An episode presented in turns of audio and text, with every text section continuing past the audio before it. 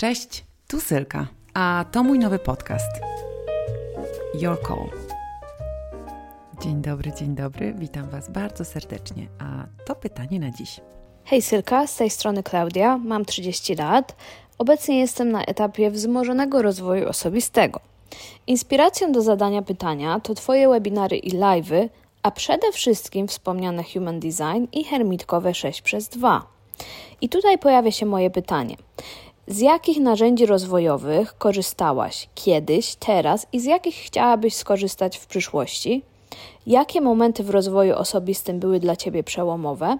Czy chciałabyś nam opowiedzieć coś więcej o swoich terapiach i innych narzędziach rozwojowych i tym, jak z nich korzystasz na co dzień? Będę bardzo wdzięczna za odpowiedź. Pozdrawiam, Klaudia. Dzięki Waszym pytaniom ja zaczynam się zastanawiać, czy jest możliwe, żebym zmieściła się w 30 minutach. Jeśli się nie uda i temat e, będzie wymagał lub też potrzebował rozwinięcia, wrócimy do niego po prostu, a dzisiaj postaram się, postaram się zmieścić w 30. Zaczęłabym od tyłu, czyli od hermitkowego 6 przez 2. E, Klaudia pyta o Human Design. To jest dla mnie bardzo nowe narzędzie. Myślę, że pierwszy raz usłyszałam o nim dwa lata temu. Gdybym usłyszała o nim 15 lat temu, myślę, że byłoby mi dużo łatwiej ze sobą. To, co dało mi to odkrycie dotyczące mojego bycia hermitkiem 6 przez 2, to przede wszystkim wiedza i zrozumienie i taka ogromna czułość, jaka na mnie spłynęła, która wynika z tego, że naprawdę zrozumiałam, dlaczego tak mam, a nie inaczej. I przestałam się tak już całkowicie, ostatecznie biczować za to, że jestem samotnikiem, że o wiele lepiej czuję się ze sobą sama niż wśród ludzi, że o wiele bardziej i o wiele lepiej spędza mi się czas jeden na jeden z przyjaciółką, a nie w grupach. Bo przez dużą część mojego życia miałam takie poczucie, że trzeba mieć paczkę, że tak naprawdę to najfajniejsze mm, życie jest wtedy, kiedy ma się paczkę znajomych i przyjaciół, z którą się jeździ na wakacje, z którą spędza się weekendy. I obserwowałam sobie takie paczki przyjaciół i naprawdę patrzyłam na nich z taką lekką zazdrością. Ale kiedy zadawałam sobie takie pytanie, Sylka, czy ty byś faktycznie naprawdę chciała tak spędzać wakacje? To zawsze była, mm, mm, nie chciałabym. Sylka, czy ty naprawdę chciałabyś spędzić dwa dni z taką dużą ekipą ludzi, i jeszcze ich dziećmi w jednym miejscu, czy to jest dla ciebie odpoczynek? Nie jest. I teraz nie chodzi o to, żeby mm, jakkolwiek definiować to, co jest dobre, a co złe, co jest fajne, a co niefajne, bo każdy z nas jest inny.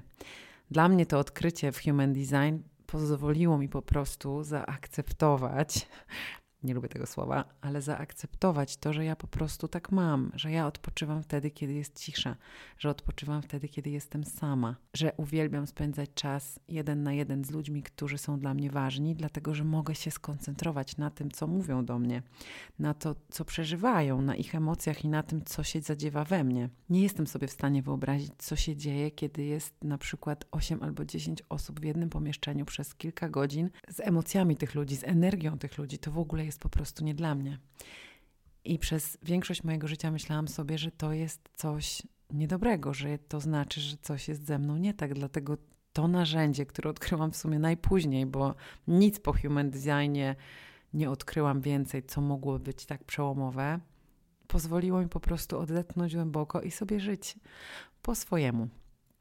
I mieć poczucie, że nie jestem nikomu nic winna i że to, że ja po prostu tak mam, jest okej. Okay. To był i jest dla mnie ogromny przełom po prostu w kontekście takiego normalnego życia.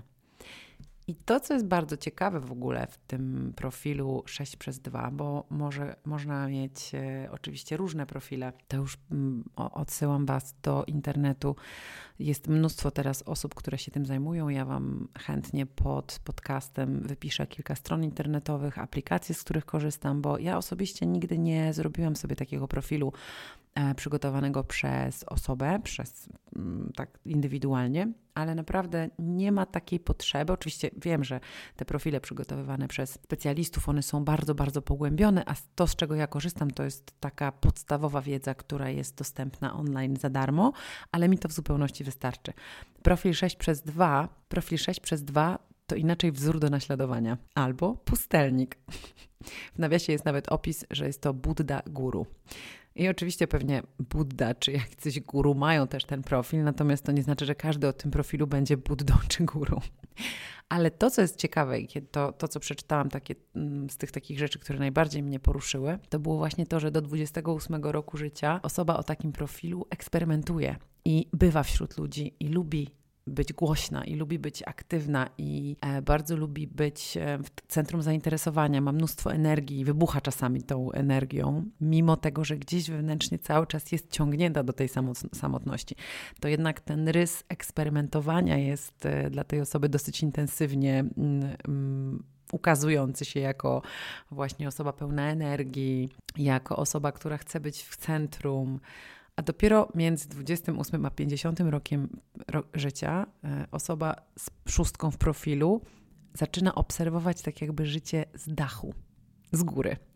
I że jest to bardziej powściągliwy czas e, i wtedy już ta osoba coraz rzadziej wychodzi na zewnątrz.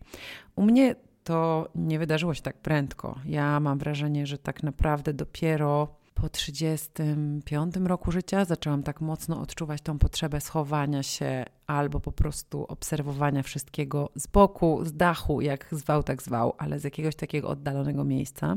I jest nawet napisane, że mm, nie wychodzi ta osoba wtedy na zewnątrz, a obserwuje działania innych ludzi.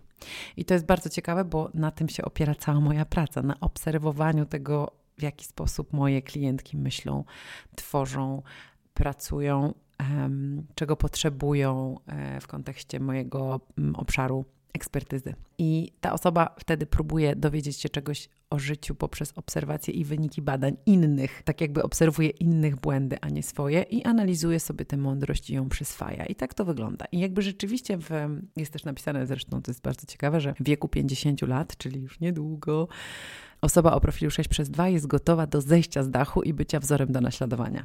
No, jestem bardzo ciekawa, co to oznacza. Będę guru albo buddą.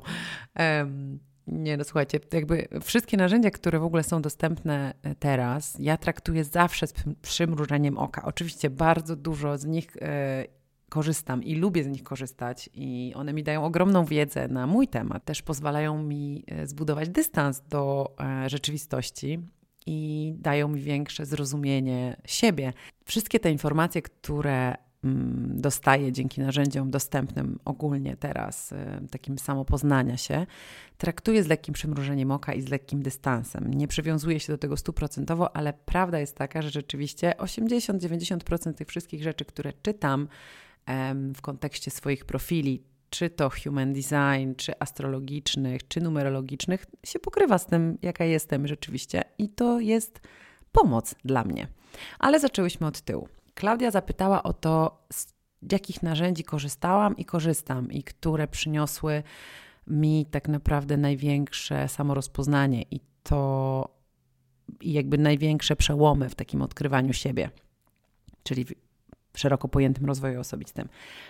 Pierwszy był buddyzm. I to też jest e, ciekawe, że tak naprawdę trochę e, zataczam kilka już kółek w trakcie swojego życia, bo mam też poczucie, że to dotyczy nas wszystkich, że my naprawdę potrzebujemy czegoś zamiast religii, że jesteśmy ludźmi, którzy lubią w coś wierzyć. I o ile coraz więcej ludzi odwraca się od kościoła jako takiego, to gdzieś tam staramy się szukać jakiegoś miejsca, które mogłoby nam dać jakiś rodzaj zrozumienia, jakiś rodzaj ukojenia. I czasem są to inne religie niż nasza, a czasem są to filozofie. I o ile ja osobiście osobą religijną nie jestem, a byłam bardzo, bardzo religijną e, dziewczynką w podstawówce, co zostało jakby dosłownie nożem przecięte w pewnym momencie, jeszcze w podstawówce zresztą, i już nigdy więcej nie, nie wróciłam do religii. To osobą spirytualną i osobą duchową jestem bardzo. I bardzo lubię i potrzebuję, szukam może, nie już, może już nie teraz, ale szukałam mm, takiej filozofii, która da mi pewnego rodzaju mądrość, dzięki której będzie mi łatwiej w życiu. I myślę, że to jest to, co większość ludzi, mm, to czego większość ludzi szuka w religii.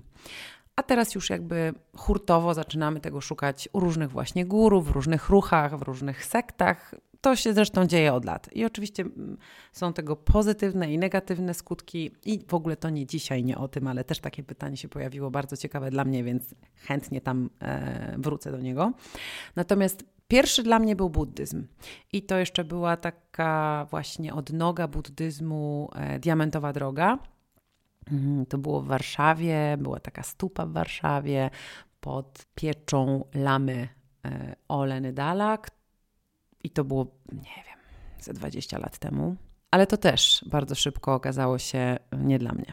I nie chcę wchodzić w szczegóły. Najważniejsze jest to tak naprawdę, że poświęciłam temu trochę czasu, że spotykałam się tam z ludźmi um, z tej stupy.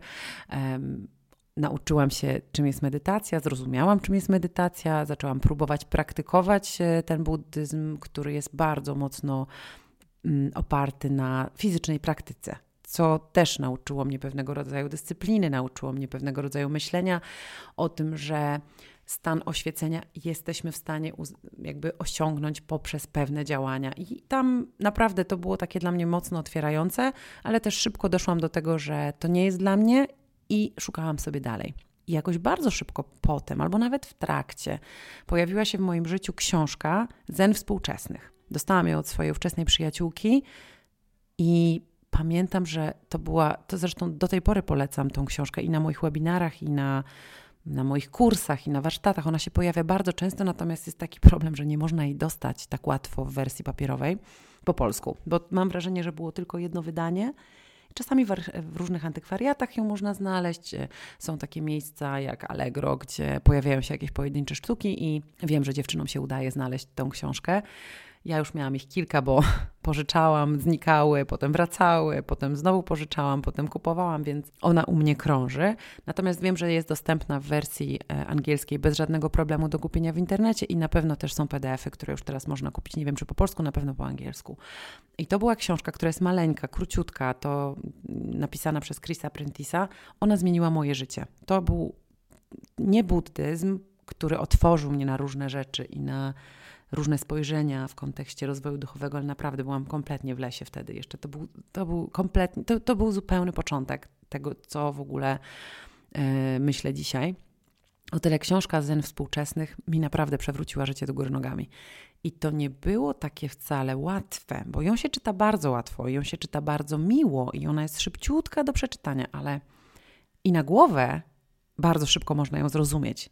Nagle zaczynasz rozumieć, o co chodzi i wiedzieć, że aha, okej, okay, to, to tak to działa. Czyli twoja głowa zaczyna już pewnych rzeczy nowych się uczyć, ale ta stara głowa, mózg gadzi, który tam sobie siedzi głęboko, on nie jest wcale gotowy na żadne zmiany i on nie pozwala na to, żebyśmy tak szybko zintegrowały tą nową wiedzę z sercem i z tym, że to jest naprawdę nasze. Więc ja myślę, że musiałam tą książkę przeczytać ze 30 razy, zanim powoli zaczęłam czuć, że to, co, to, o czym czytam i to, co mi się podoba i to, co ja na rozum już naprawdę totalnie mam, to jeszcze musiałam to poczuć. Więc upłynęło dużo czasu, zanim ja to zintegrowałam w takim sensie prawdziwego czucia tej książki. A nawet nie książki, tylko samej filozofii Zen, która jest podana w bardzo przystępny sposób, bo jako, jak zaczęłam już później głębiej e, grzebać w samej filozofii Zen i czytać książki mm, po polsku i te, które były dostępne po angielsku, to, to już nie jest takie proste i takie łatwo przyswajalne. Tam już to wymaga znacznie większego skupienia. Dlatego wydaje mi się, że ta pozycja zen współczesnych jest o tyle wspaniała, że tych współczesnych ludzi z tego cywilizowanego świata zachodu potrafi bardzo szybko i w sposób naprawdę miękki e, przestawić na myślenie w zgodzie z filozofią zen, która jest tak naprawdę podstawą, mam wrażenie, większości filozofii e, i większości duchowości całej.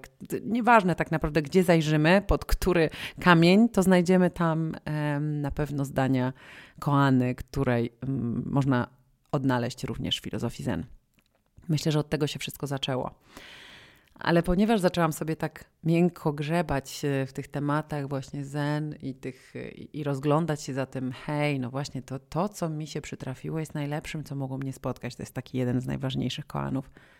To wtedy dotarło do mnie, no dobra, ale to, co mi się przytrafiło, wcale mi się nie podoba. I super, że teraz rozumiem, że bez tego nie byłabym sobą i bez tego nie miałabym tego, co mam, i bez tego nie byłabym tu, gdzie jestem, ale nie podoba mi się to, co mi się przytrafiło. I w tym miejscu, kiedy do tego doszłam, nie było innego narzędzia, tylko i wyłącznie terapia. I to też nie był wcale fajny moment i naprawdę dziewczyny, to nie jest dobry moment. Nikt nie idzie na terapię w podskokach. Nikt nie biegnie sobie na nią podśpiewując, myśląc sobie, wow, super, życie jest piękne, teraz idę na terapię i będzie jeszcze lepiej. Na terapię idziemy wtedy, kiedy się czołgamy już, kiedy mamy naprawdę dosyć tego, co czujemy, kiedy mamy naprawdę dosyć tego, co się dzieje w nas w środku, kiedy mamy naprawdę dosyć naszej reaktywności w dziwnych sytuacjach. Nie rozumiemy, co nas triggeruje, w ogóle nie wiemy, co to jest trigger.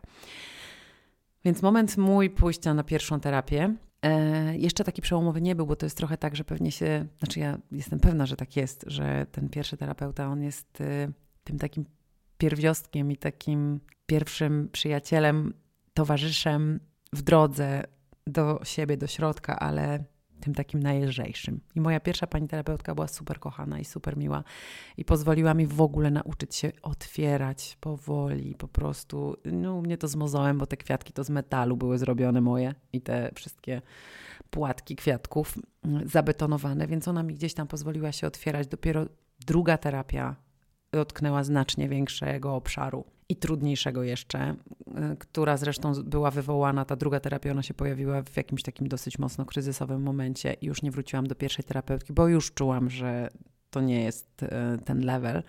Potem była kolejna terapia i kolejna, więc y, o tym też będzie osobny odcinek, bo też już mam pytanie od jednej z Was, co jest też bardzo mnie cieszy, bo to tylko dla mnie to jest tylko informacja o tym, że naprawdę szukamy dla siebie dobrego samopoczucia i dobrostanu, i tego, że chcemy żyć szczęśliwie, a nie da się wejść do krainy szczęścia takiej permanentnej bez odrobienia kilku lekcji. Więc jeżeli ktoś Wam mówi, że nigdy nie był na terapii, jest bardzo szczęśliwym człowiekiem, to wydaje mi się z całym szacunkiem, że to jest mało prawdopodobne. Raczej jest y, tam jakiś bypass. Ale to nie o tym dzisiaj. Na pewno o tym, że to było najmocniejsze, najsilniejsze, naj, najbardziej intensywne narzędzie, z jakiego kiedykolwiek skorzystałam. E, powiedziałabym nawet, że to nawet nie sama terapia, tylko grupa terapeutyczna, w której byłam, a która jest zazwyczaj uznawana za najsilniej działający twór. A moja grupa to już w ogóle była wyjątkowa, bo to nie była taka e, terapia grupowa co tydzień, mm, jak e, na pewno znacie też takie mm, opcje, że kiedy, nie wiem, wchodzi w grę współuzależnienie albo uzależnienie, albo w ogóle jakieś tam, nie wiem, dysfunkcje. Teraz grup terapeutycznych jest całkiem sporo, co mnie też bardzo, bardzo cieszy. Na pewno o tym słyszałyście. To taka grupa to to nie była taka grupa. Na takiej grupie też byłam, ale później i akurat ona dla mnie wtedy już na tym etapie okazała się niepotrzebna. I to było też fajne, że sobie mogłam odpowiedzieć na takie pytanie, czy ja jeszcze potrzebuję być w tej grupie? Czy czuję, że ta grupa coś mi daje jeszcze, czy mogę sobie teraz iść dalej żyć? I po trzech miesiącach poszłam sobie dalej żyć. Byłam z tego bardzo zadowolona i po dwóch latach wróciłam na terapię indywidualną. Z tematem, którego nie chciałam ruszać, obchodziłam go naokoło, też żeby chciałabym, żebyście wiedziały, że to nie jest tak, że terapeuci są źli. Tylko jest tak, że my mamy pewnego rodzaju gotowość w sobie na niektóre rzeczy, a na niektóre rzeczy nie mamy gotowości w sobie. I naprawdę, no ja jestem królową wyparcia, więc y, umiem to robić. Umiem wypierać rzeczywistość, y, która jest niewygodna. No ale to od środka tam sobie dłubię i grzebie, więc ważne jest to, że na pewnym etapie po prostu już mówię, dobra, nie mam na to siły. Jak tego nie ruszę teraz, tego ostatniego obszaru, najtrudniejszego, no to będzie ze mną, to mogę tak zostać do końca życia. Nic by się nie stało. To, by, to jest okej. Okay. Mogę sobie zostać w tym, gdzie jestem, w tej swojej już trochę wiedzy i świadomości, nie ruszać tego i, i jakby sobie w ten sposób funkcjonować, ale to jest dla mnie toksyczne. Bo już wiem, jak to jest, kiedy wszystko jest ok. Już wiem, kiedy to, jak to jest, kiedy terapia i narzędzia terapeutyczne naprawdę zaczynają działać. Więc ja już znając ten stan, wiedziałam, że już moje życie jest jedno i że bardzo bym chciała tą drugą połowę życia przeżyć w spokoju, takim prawdziwym, cieple, w takiej czułości, e, nie tylko do siebie, bo to już od, od dawna e, umiem robić, ale też w czułości do świata, umiejąc brać czułość od innych, bo to naprawdę różne schody ciekawe e, w terapii się wydarzają. Więc jakby znowu tu jestem, znowu korzystam z tego narzędzia, jest to zupełnie inny rodzaj terapii. Brałam udział w terapii, byłam, byłam w terapii behawioralno-poznawczej, byłam po prostu w psychoterapii Teraz jestem w terapii e, w nurcie Gestalt i zresztą to, od czego zaczęłam tą przydługą dygresję, to była właśnie grupa terapeutyczna, która nie była taką typową grupą terapeutyczną, tylko to była grupa e, skonstruowana na cztery weekendy pełne, od piątku do niedzieli, prowadzona przez Eugenię Herzyk, tu w Warszawie zresztą wtedy jeszcze. I to było najmocniejsze z narzędzi terapeutycznych, z jakiego korzystałam. Byłam na to zupełnie nieprzygotowana. Miałam poczucie, że idę na tą terapię e, tylko i wyłącznie po to, żeby rozwijać swoje własne skille, żeby lepiej zrozumieć kobiety, bo ja też bardzo wiele warsztatów zrobiłam właśnie w tym kontekście, żeby lepiej zrozumieć pewne e, rzeczy.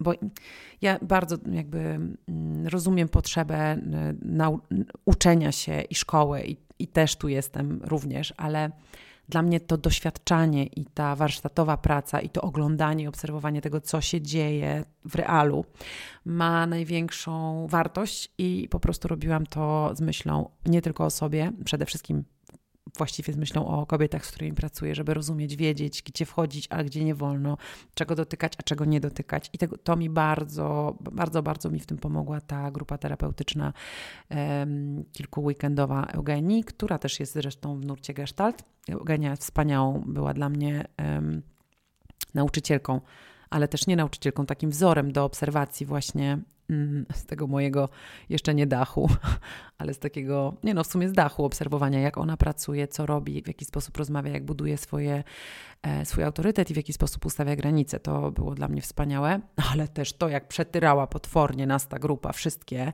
I oczywiście to nie Eugenia nas przetyrała, tylko sama grupa i te emocje i to, co się działo, ta wymiana. Mm, ja tak naprawdę wtedy zrozumiałam, jak, jaką ogromną siłę ma grupa kobiet. Ogromną. I to naprawdę nie chodzi o kręgi kobiet. Ogromną, wspaniałą moc, ale zupełnie inną. I to nie jest jakby moje obszar zainteresowania. Nie pracuję w, w taki sposób. Ja o wiele bardziej i o wiele lepiej czuję się w bardziej konkretnych działaniach, więc dla mnie praca w grupie kobiet i to, co się dzieje między nimi, jest jakby czymś bezcennym i nie, nie ma słów, do, żeby opisać to, co się dzieje w grupach, które ja prowadzę teraz. Moja szkoła i wszystkie warsztaty, które organizuję, są oparte o pracę kobiet w grupie czyli na wymianie energii kobiet i na tym, kiedy słyszą to, co mówi koleżanka z grupy. Więc e, tamto wydarzenie i tamte cztery weekendy były dla mnie nieprawdopodobnym, nieocenionym narzędziem w moim rozwoju osobistym. Ja urosłam jako kobieta wtedy ogromnie, po prostu jako kobieta. Mam wrażenie, że wtedy dojrzałam z bycia dziewczyną do tego, żeby być kobietą, a byłam już naprawdę dorosła mocno, mocno dorosła. Więc z tych narzędzi korzystam i bardzo je polecam i będę zachwalać e, terapię do końca życia. Natomiast to, co w trakcie tego czasu, który spędzałam w terapii, jeszcze miało dla mnie ogromne znaczenie, to są książki. Ja po prostu bardzo, bardzo dużo czytam i czytam bardzo dużo książek rozwojowych. Duża większość jest nie do przejścia i w ogóle są nieczytalne. Kupuję je, przeglądam, sprawdzam, e, czytam kilka rozdziałów, e, szukam tego, co dla mnie może być istotne i je odkładam. Ale są takie książki, które po prostu czytałam od e, A do Z, od deski do deski po kilka razy, bo były po prostu dla mnie przełomowe. I myślę, że każdy z nas ma swój gust i swoje potrzeby i swoje jakby swoją energię taką, która dla niego jest najlepsza i dla jednych ta książka będzie przełomowa, a dla mnie na przykład będzie ona w ogóle jakimś niczym. I tak i to działa na, na, wiele stron. Natomiast ja staram się podawać te pozycje, które moje życie zmieniły i gdzieś tam dla mnie były ważne po to, żebyście sobie sprawdzały. I jest kilka takich pozycji, które zresztą już tutaj przytaczałam w poprzednich odcinkach. Są spisane pod innymi odcinkami. Bardzo Wam serdecznie polecam sobie popatrzeć i być może coś Was zainteresuje, bo są takie pozycje, które po prostu zmieniają życie. Więc dla mnie książki i autorzy i ludzie, których sobie wyszukuję w internecie i sprawdzam, to są te odkrycia i te narzędzia dosłownie, dlatego że Tony Robbins, Brené Brown, Esther Perel, Eugenia Herzyk. To są osoby, które ja gdzieś na swojej drodze spotykałam.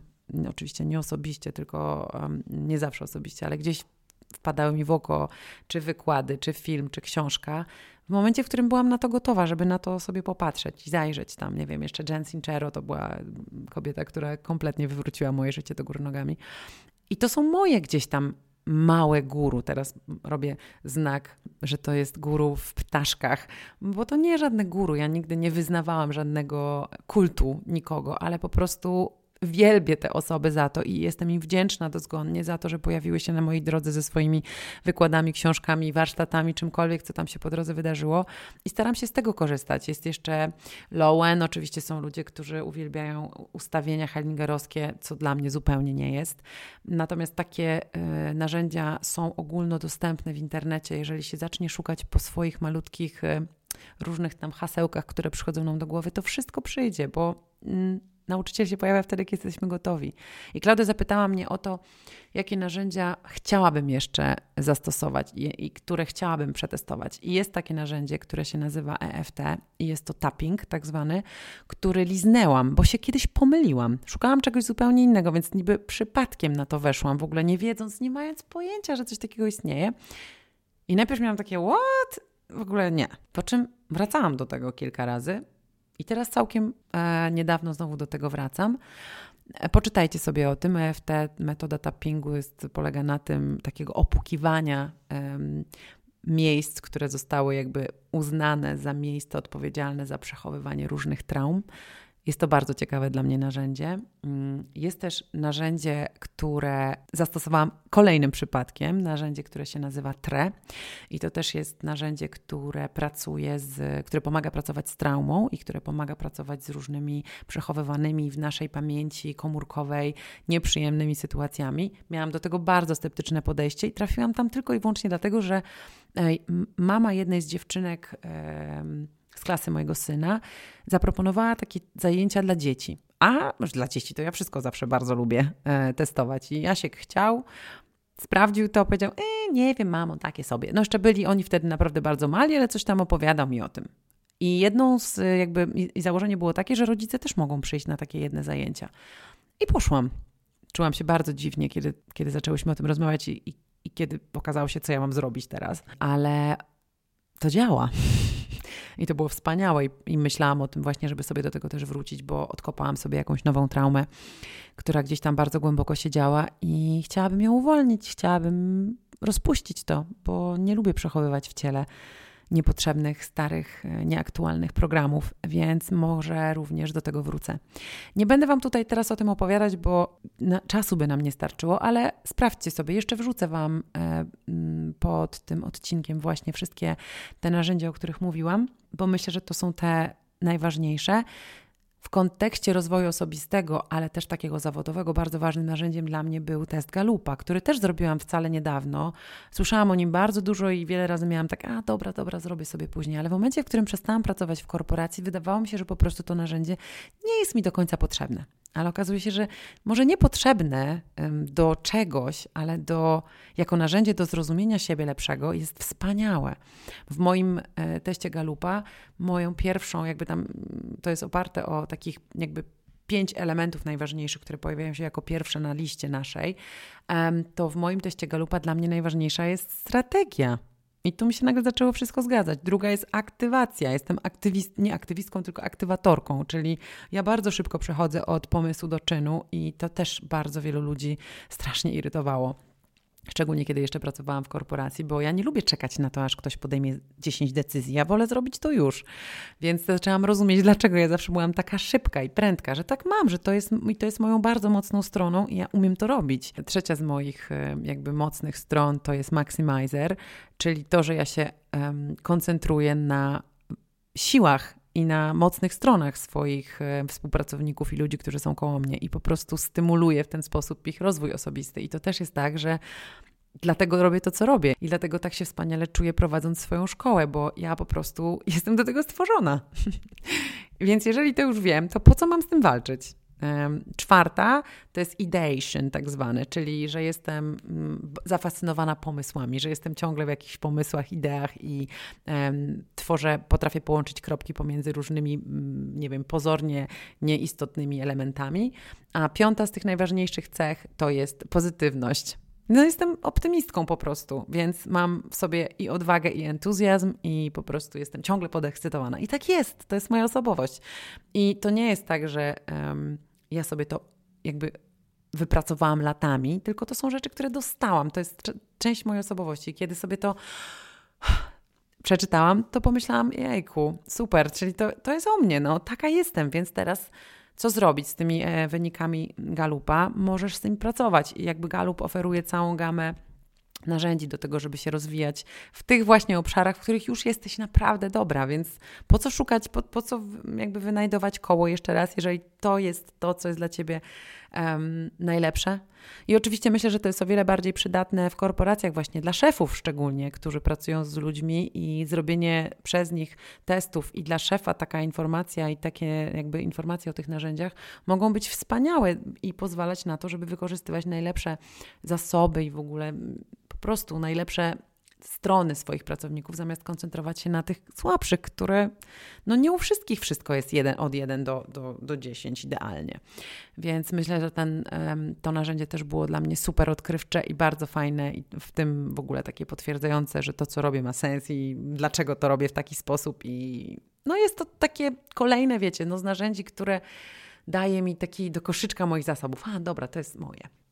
Ale też korzystałam z ze współpracy z astrologiem, byłam u numerolożki, zresztą e, bardzo aktywnej, fajnej dziewczyny z Instagrama, bo lubię sobie dokładać do swojego koszyczka takie różne informacje, które są o mnie, wynikają z mojej daty urodzenia.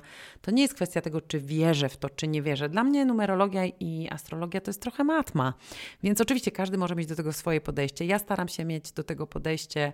Um, tak jak mówiłam zresztą i w kontekście różnych filozofii, czy, czy um, czy buddyzmu, czy zen, czy, czy, czy jakby, samej, jakby samorozwoju. Ja staram się mieć do tego wszystkiego lekki dystans, ale wykorzystuję dla siebie te narzędzia i dla swojego rozwoju i dla swojego, dla swojego dobra a nie przeciwko sobie. A więc myślę, że tak naprawdę wszystko zależy od tego, co dla Was jest fajne, ważne, ciekawe i fascynujące. Mnie to po prostu fascynuje. Ja też jestem dziewiątką, czyli jestem kimś, kto dużo czasu poświęca na myślenie o rozwoju duchowym, na e, analizowanie różnych wpływów, na to, Mamy jakby dziewiątki też mają, to są takie stare numerki, ostatnie, które już mają tą swoją jakąś mądrość po prostu z tych dziewięciu wcieleń różnych. No wiecie, to jakby mogę o takich rzeczach opowiadać długo. Nie wszyscy wierzą w to samo, nie wszyscy lubią to samo. Jakby to jest po prostu jedno z narzędzi, które gdzieś dało mi bardzo dużą, fajną informację o mnie i też sobie korzystam właśnie z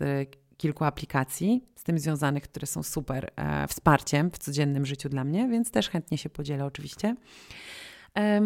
no i to, o czym mówiłam w ostatnim odcinku, czyli część mojej rutyny to przede wszystkim jest medytowanie, które też jest e, narzędziem do pracy ze sobą i narzędziem do rozwoju, bo medytacja przynosi mi bardzo często odpowiedzi na pytania, na które nie mogę znaleźć odpowiedzi nigdzie. I nagle siadam sobie w medytacji w ciszy przez 5 minut albo 10 i nagle po prostu przychodzi do mnie ten głosik ze środka i mówi mi: Ej, to jest to i to. Albo trzeba zrobić to i to. Albo to by było najlepsze rozwiązanie. I tak jest. I, i ja ufam swojej intuicji, która towarzyszy mi od jakiegoś czasu, też już taka mocno e, aktywna. I staram się działać w zgodzie z nią.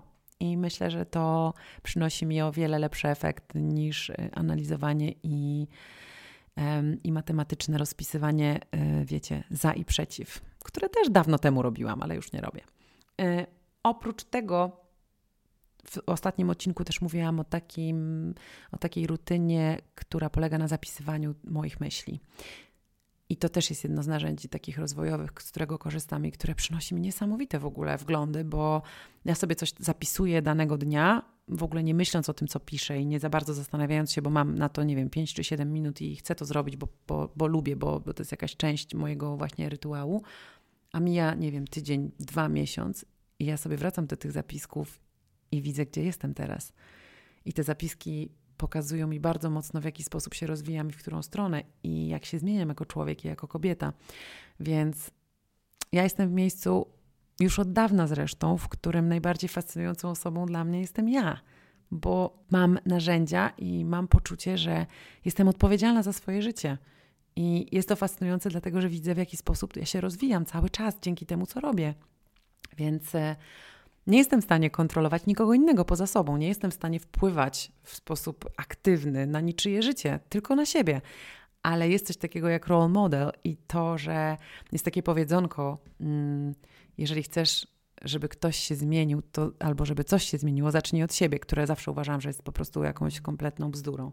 I nie lubiłam, bo irytowało mnie. Oczywiście to było długo, zanim poszłam na terapię, a teraz uważam, że to jest jedyna droga że jeżeli my chcemy, żeby nasza rzeczywistość wokół nas zaczęła się zmieniać, to jedyna droga jest poprzez zmianę tego, co, gdzie my jesteśmy, co robimy, w jaki sposób myślimy. Bo za tym idzie potem wszystko. Za tym nagle okazuje się, że gdzieś ustawiliśmy granice, gdzie myśleliśmy, że tego nie robimy. Za tym się okazuje, że nagle ktoś przestaje do nas mówić rzeczy, których nie chcemy słyszeć i wcale nie musimy mówić przestań. To się po prostu zaczyna trochę dziać samo na pewnym etapie. Dlatego bardzo Ci dziękuję, Klaudia, za pytanie. Mm, obudziło potwora, bo widzę, że nie zmieściłam się w 30 minutach.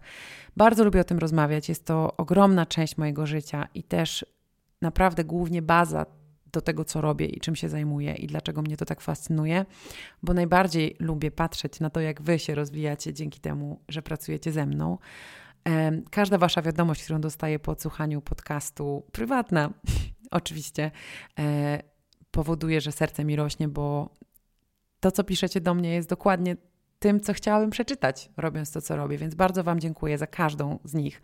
I jeżeli macie taką myśl, że coś Wam się pojawiło fajnego, że coś dla Was otworzyłam dzięki temu, co powiedziałam, to po prostu piszcie mi o tym, bo to jest dla mnie nagroda. To jest jakby moja nagroda.